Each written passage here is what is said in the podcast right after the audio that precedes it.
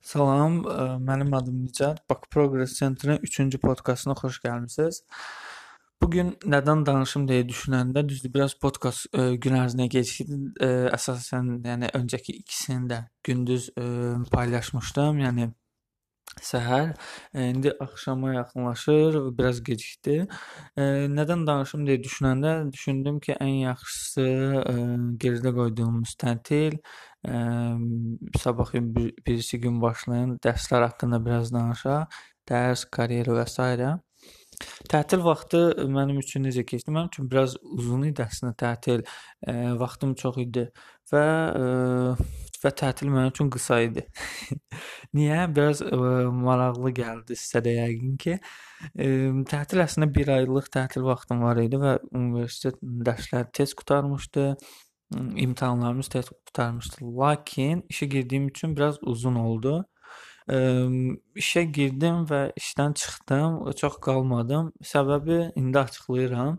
Ə, və məncə ə, o ixtisas, ə, əslində burada çox faktorlar ola bilər. Yalnız biri deyil. Yəni o sektor, ə, ixtisas, ə, komanda, mühit, ə, olduğun vəzifə ə, və yaxud ə, Yəni burada çox bilər şirkətin yaratdığı dəyər, ə, burada bir sıra faktorlar var və onlardan ə, bəlkə biri və yaxud bir neçəsi təsir elədi və mən çox qalmadım o işdə. Ə, əsas səbəbi o idi ki, mən özümü xoşbəxt hiss eləmirdim, özümü rahat hiss eləmirdim.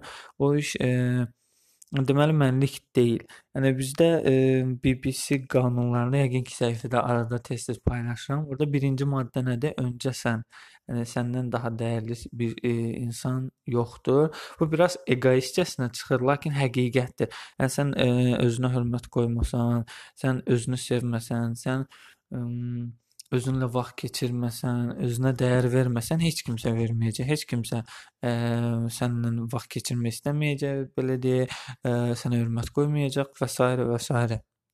Və bunun üçün də ə, gördüm ki, mən özümü xoşbəxt hiss eləmirəm, özümü xoşbəxt edə bilmirəm orada. Onun üçün çox qalmadım. Məncə hamı belə etməlidir. Yəni mən əvvəl də bir yerdə qısa təcrübə keçmişdim. E, o təcrübə keçdiyim yerdə həqiqətən xoşbəxt idim. Mən görürdüm ki, nəsə öyrənirəm. E, orada olan mühit mənə çox yaxşı təsir edir. Mənim inkişafıma yol açır. Lakin e, burada isə belə deyildi harda olduğumu təbii ki, deməyəcəm hər iki halda. Eee, yəni çox heç də yaxşı təsir eləmədi o mühit və hələ də yorğunluq düz canımda var. Eee, biraz eee, keçməyə kitabı kitabla və yaxud eee filmlərlə başımı qatmağa çalışıram. İndi dərslər başlayır. Eee, dərslər e, bizdə belədir ki, yeni bir qanun çıxdı. Bilirsiniz, mən Neft və Sənaye Universitetində oxuyuram və bizdə yeniliklər, başqa cür desə islahatlar tez-tez olur, fərqliliklər olur. Bunlardan birisi dərs saatının endirilməsidir. 90 dəqiqədən 80 dəqiqəyə endirildi. Bu həm yaxşıdır, həm pis. E, səbəblərini indi deyirəm. Pis cəhəti odur ki, yəni biz ancaq yerimizdən durmadan 80 dəqiqə ərzində oturub ancaq müəllimə qulaq asacağıq. Yəni bu biraz həqiqətən sıxıcıdır. Çünki 45 dəqiqənin axırına 10 dəqiqə qalmış. Yəni 35 dəqiqəni də keçir. Son 10 dəqiqəni biz çıxmağı düşünürük. Yəni, həmişə yəni sinifdə müzakirələr olur. Artıq müəllimə sinifi saxlamaqda çətinlik çəkir. Yəni təbii ki, bu bütün müəllimlərə aid deyil. Son 10 dəqiqə biraz çətin keçir. Tələbə üçün də, müəllim üçün də.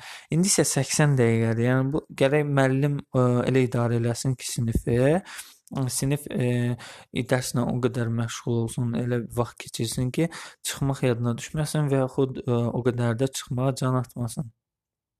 Bunun yaxşı bir pis tərəfi budur. Əvvəl isə 45 dəqiqə dərs, 5 dəqiqə tənəffüs, 45 dəqiqə dərs oldu. Belə olanda 5 dəqiqə ən azından ə, dururduq, çölə çıxırdı, biraz uşaqlarla danışırdı. Yəni bir ə, mühit, abova dəyişirdi.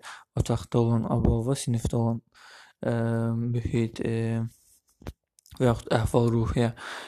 Yaxşı tərəfi odur ki, ə, dərsdən tez çıxacaq. Yəni gün ərzində bizə ə, ekstra ən azı bir yarım saat vaxt əlavə olunur.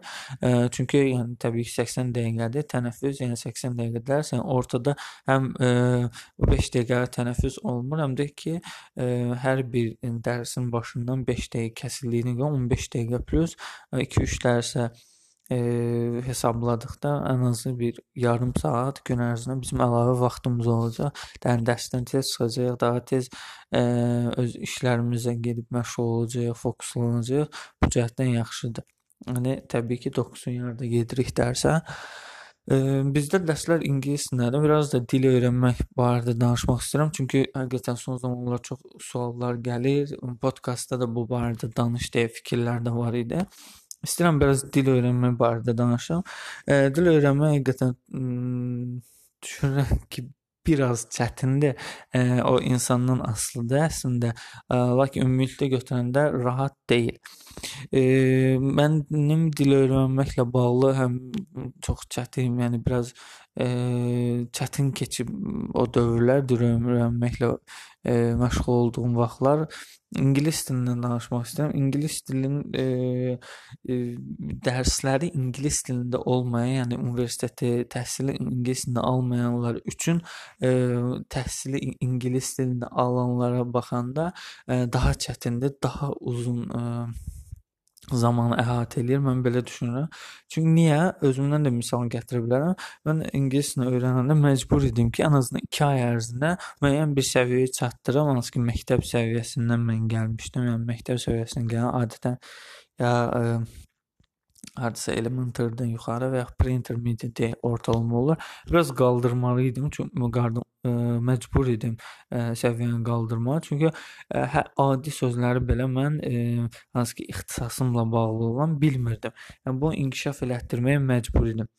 Belə olduğu halda həm kursa gedirəm, çalışıram, dərslərimi də o dildə oxuyanda bunlar bir e, hər biri e, kömək olur mənə və məsələn kinoya da baxsam, nəsə kitab da oxusam, hər biri gəlir e, inkişaf elətdirir və daha rahat olur. Daha qısa zaman ərzində daha e, effektiv e, nəticələr görürük. Təbii ki, bu bütün tələbələrə aid deyil. Yəni bizdə ə, bir qrup yoldaşım var idi. 6.5 IELTS-la, yəni məktəbdə onun sinifində 6.5 IELTS almışdı və universitetə IELTS-la gəlmişdi. o təbii ki, məndən daha yaxşı bilir. Həqiqətən də bilirdi. Mən isə e, sıfırdan demək olar ki, öyrənirdim. E, bu tələbələr üçün təhsil ingilislə daha rahatdır və başqaları üçün daha çətin. Məsələn, mən görürəm ki, deyirlər, hə, ingilislə başlayıram, 3-4 ayda belə öyrənəcəm, elə öyrənəcəm. Yəni bilirəm ki, bu demək olar ki, mümkünsüzdür. Yəni 3-4 ayda sən tam vəsə bildim, e, yəni 3-4 ayın sonunda da gəl 2 ay IELTS hazırlaşsam, həm verərəm 7. Belə deyənlər var. Yəni bu olmur. Yəni, bu ə, özümüzə danışdığımız şirin yalandır. Sonra aylar keçdikcə görürük ki, nəticə göstərir ki, e, faktlar göstərir ki, belə qısa zamanda istədiyimiz o super e, bütün kinolara baxım, kitab oxuyum, hər şey başa düşüm səviyyəsinə çatmaq olmur. Mən mənim əvvəl getdiyim kursda, kurslar da düzü biraz uzadırlar deyə düşünürəm. Bu ə, bəlkə də ə, bəzi faktorlardan asılıdır. Məsələn, qrupun ə, öyrən götürmə qabiliyyəti, yəni ki, uşaqların öyrənməyi, qrupun e, kursun daxili siyasəti, müəllimin dərs keçmə metodu bunlardan asılıdır. Yəni bunlara görə öyrənmə müddəti, ə, və yaxud bir səviyyənin davam etmə müddəti uzanır. Əslində mənə görə səviyyə deyə bir anlayış yoxdur. Mən onu qəbul eləmirəm o qədər də. Çünki ə, mənim başqa müəllimim də var. O deyirdi ki, elə intermediate-lər var. Yəni özünü intermediate təqdim edir, heç nə bilmir və yaxud ə, elə pre-intermediate-lər var ki, ə, qəşəng danışırlar, öz fikrini ifadə edə bilirlər. Yəni bunlar fərqlənir. Kurslar ə, əslində müəllimlər müəllim tapmaq, yaxşı müəllim tapmaq biraz çətindir. Məsələn, mən getdiyim kursda e, iki müəllim dəyişdim. Əvvəl bir müəllimin yanına getdim uzun zaman, e, nəticə olmadı. Başqa bir müəllim gördüm ki, orada ə, onun yanına gedən hər kəs xoşbəxtdir, hər kəs gülür, deyir, gülür, çıxır, onunla əlaqələr super. Daha sonra ə, hər kəs ə, görürsən ki, inkişaf var onun yanına gedən tələbələrdə. Mən isə o qədər də xoşbəxt deyildim, biraz sıxıcı idi. Gəlirdim, gedirdim kitaba, yəni boş-boşuna vərəqləyirdim. biraz elə idi. Yəni xoşbəxt deyildim də mən öyrən öyrənmə həvəsi yaranmırdı. Ona görə də e, uzun çəkdi və keyfiyyətsiz oldu deyə düşünürəm. Müəllimin yanına keçəndən sonra müəllim kitabı atdı qırağa, dedi ki, başlayırıq danışmağa. Ancaq danışacağıq, inkişaf eləyəcək, özü öyrədirdi. Yəni başqa müəllim kitabdan keçirdi mənə. Lakin bu müəllim özü öyrədirdi. Daha sonra ə, başladıq filmlərə, animas animasiyalara. Dedi ki, bu animation gedib izləyəcəksən. Gəlib sonra mənə danışacaqsan. Getdim izlədim, gəldim danışa bilmirdim. Getdim izlədim, gəldim danışa bilmirdim. Yəni getdim izlədim, yəni ümumiyyətlə başa düşmürdüm. Yəni belə-belə bir hardasa neçə deyir, 4, 5, 6 animasiya keçdikdən sonra gördüm ki, hə, nəticə var, özümün də xoşuna gəlir. Müəllim deyirdi ki, sən o dildə düşünməlisən. Yəni o qədər məşğul olmaz, o qədər ə, bu ə, həm dillə məşğul olmalısan, özünü həvəsləndirməlisən öyrənməyə səndə o dildə düşünmək e, belə deyək də başlamalıdır. Beyin o dildə düşünməlidir. Həm gördüm ki, mən Azərbaycan dilində sözlər tapmağa çətinlik çəkirəm. Bu qədər mən həvəslənmişdim. Ona görə də ə, e, bəlkə də ilk o digər müəllimlə getdim 3 aylıq ə, e, nəticəni burada 1 həftədə gördüm. Yəni düz 1 həftə getmədim, biraz uzun zaman getdim. Yəni get bu zamanda mən çox irəli getdim, həvəsləndim, oxudum. Ə, o müəllimin bir proyekti var hal-hazırda. Ə, YouTube və səhifə də açacaq. Ə, deməli, veb sayt açacaq və və çox uzun illər, 2 ildir artıq o proyektin üstündə işləyir.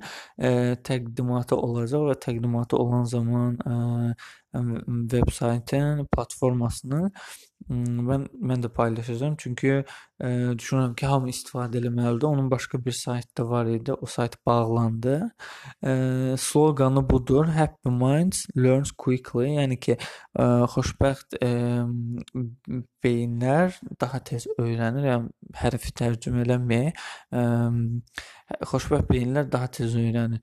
Yəni bu həm də bu sitat da məni işdən çıxmağıma biraz səbəb oldu. Çünki e, biraz əlaqəlidir düzü gələn bu proseslər.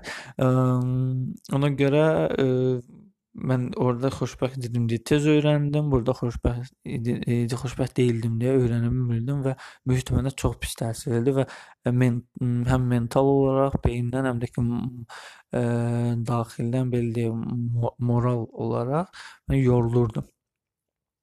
Bir də mən düşünürəm ki, dərsləri e, o dildə olan, məsələn, ingilis dili öyrənmək istəyən, ingilis dilini, rus dili öyrənmək istəyən, rus dilini olanlar daha tez öyrənirlər. Başqaları isə ə, əlavə öyrənmək istəyən daha gec öyrənirlər. Bu ə, məndə də baş verir. Məsələn, alman dilində, alman dilini mən artıq ildən çoxdur öyrən öyrənirəm, müəyyən bir səviyyəyə çatmışam, yəni onu davam da elətdirəcəm. Lakin həqiqətən çətindir. Bir yaxşı müəllim tapmaq, ə, iki keyfiyyəti yuxarı ə, saxlamaq, yəni müddət ərzində başlayanda hə super başladı, daha sonra isə görürsən ki, keyfiyyət düşür. Niyə düşür bilmirəm. Ə, hər iki tərəfdə də bu olur. Düzün, məsələn, mən tərəfdən də, müəllim tərəfdən də yəni bir tərəfli danışmaq istəmirəm. Ə, bu ə, nədən asılıdır bilmirəm. Alman dili, Alman dili əslində biraz ə, çətindir, lakin maraqlıdır. Alman dilində siz ə, bil sözlə ə, böyük bir mənanı əhatə eləyə bilərsiniz, ə, başa sala bilərsiniz. Lakin başqa dillərdə o qədər də elə deyil. Acı alman dilindən ingilis dili, ingilis dili o qədər də yoxdur. Rus və Azərbaycan dilinə tərcümə eləyəndə görürük ki, 3-4 sözə tərcümə olunur alman dilində olan bir söz. Yəni ingilis dili e, bildiyim qədərilə alman dilindən yaranıb. Yəni birinci alman olub, daha sonra bəzi dəyişikliklər ola ola ola ingilis dili yaranıb. E, və ə, rus dilində də hal-hazırda alman dilindən götürülmə ə, kifayət qədər söz var. Bu qarşımıza çıxır. Sizə misallar da deyə bilərəm. Abzas var. Abzas ə, biz e, Azərbaycan sektorunda, Rus sektorunda, Azərbaycanda çox geniş istifadə edir. Bu nədir? İlk sətri e, belə biraz aralı qoyursan və hərfi e, tam soldan yox, biraz e, biraz sağ hissədən başlayırsan. Orada abzas, yəni ara, məsafə, e, bir sahə qoyursan orada boş. Abzas alman dilində elə məsafə deməkdir, ara deməkdir. Yəni hardasa belə deyək, boşluq deməkdir. Ə, və bu söz alman dilindən götürülüb. Sonra alman dili Absatzschuhe var. Absatzschuhe nədir? Kablokdur. Kablok nədir? E, qadınların geyindiyi ayaqqabıda. O biraz aralı olur yerdən. Yəni Absatzschuhe, yəni aralı ayaqqabı. Yəni belə tərcümə edə bilərik. Əslində tam tərcümə olunmur təbii ki, hərfi tərcümə olunmur. Sonra ə, Ruslarda ratuşa deyə bir ə, söz var. Rus dilində bu ratuşa ə, belə başa salım, ə, şəhərin ə, icra hakimiyyəti, yəni şəhəri idarə edən orqanın yerləşdiyi ə, binaya deyirlər. Almanlarda isə Rathaus var. Yəni bunlar oxşuyur əslində. Yəni görürsən ki, o oxşarlıq var. Rathaus, Ratuşa. Ə, ona görə ə, Bunlar oxşuyur. Yəni yadda saxlamaq əslində belə sözlər daha rahatdır. Yəni başqa dillərlə oxşarlığı olan, yəni rus olsun, ingilis olsun, yəni yeni bir dil öyrənəndə təbii ki, hər hansı bir bildiyimiz başqa bir dilə tərcümə edirik onu. Yəni o tərcümə etdiyimiz dil və yaxud dillər ə, o biraz oxşarlıq olanda ə, daha çox sevirik o dili, yeni öyrəndiyimiz dili və daha rahat yadda saxlamaq olur. Ümumiyyətlə mən düşünürəm ki, dil öyrənmək e, biraz çətindir və e, öyrənmək üçün əsas olan şeylər ə, filmlərə baxmaq, filmlərə əsasən altyazılı baxmaq. İngilis dilində biraz rahatdır. Netflix var və çox məşhur bir platformadır. Yəni çox ə, fərqli ə, filmlər təklif edir, filmlər, ə, seriallar. Yəni ardıcılda təbii ki, seriala baxa bilərsiniz və yaxud filmə. Ə, lakin alman dilində o qədər tapmaq rahat deyil. Netflixdə var düzü alman dilində ə, həm danışıq olaraq, həm də altyazı olaraq, lakin başqa belə ə, independent, yəni başqa bir resurs, yalnız ki, pul ödəməyərək, yəni rahat baxa biləcəyin ə, net məsələn Europix HD üzr istəyirəm. Europix HD.io saytı kimi ə, bu ingilis dilində kinolar təklif edir. Mən bunu dəfələrlə demişəm. Çox gözəl bir saytdır. Yəni e, keyfiyyət də çox qəşəngdir. Düzdür, biraz reklamlar çıxır, lakin 2-3 dəfədən sonra reklam artıq e, olmur. Yəni kinonun ortasında e, hər hansısa bir arada ya yazı ya ə, hər hansı bir video formatında reklam çıxmır. Yəni kino fasiləsiz davam edir. Belələrini alman dilində tapmaq biraz çətindir. Düşünürəm ki, ingilis dili bu cəhətdən ən zəngin dildir. Həm ə, ə, kinolar baxımından, materiallar baxımından və təbii ki, bir də kitab oxumaq, kitab və yaxud məqalə, qısa mətnlər oxumaq daha e, daha da yaxşıdır. Çünki oxuyanda birinci oxuyursan, görürsən ki, hə bir sözü bilmirəm, sonra yenə oxuyanda, yəni tərcüməyə baxanda, yəni iki dəfə sonra tərcüməsinə baxıb oxuyanda görürsən ki, o söz yadda qalır artıq və e, bilirsən mənası nədir. Artıq o bir dəfəlik yadda qalır. Bir neçə dəfə yoxlamışam və e, yenə yoxlayacağam. Mətnlər oxumaq çox xeyir, çox xeyirlidir, çox yaxşıdır. Bu günlük məncə bu qədər bəsdir.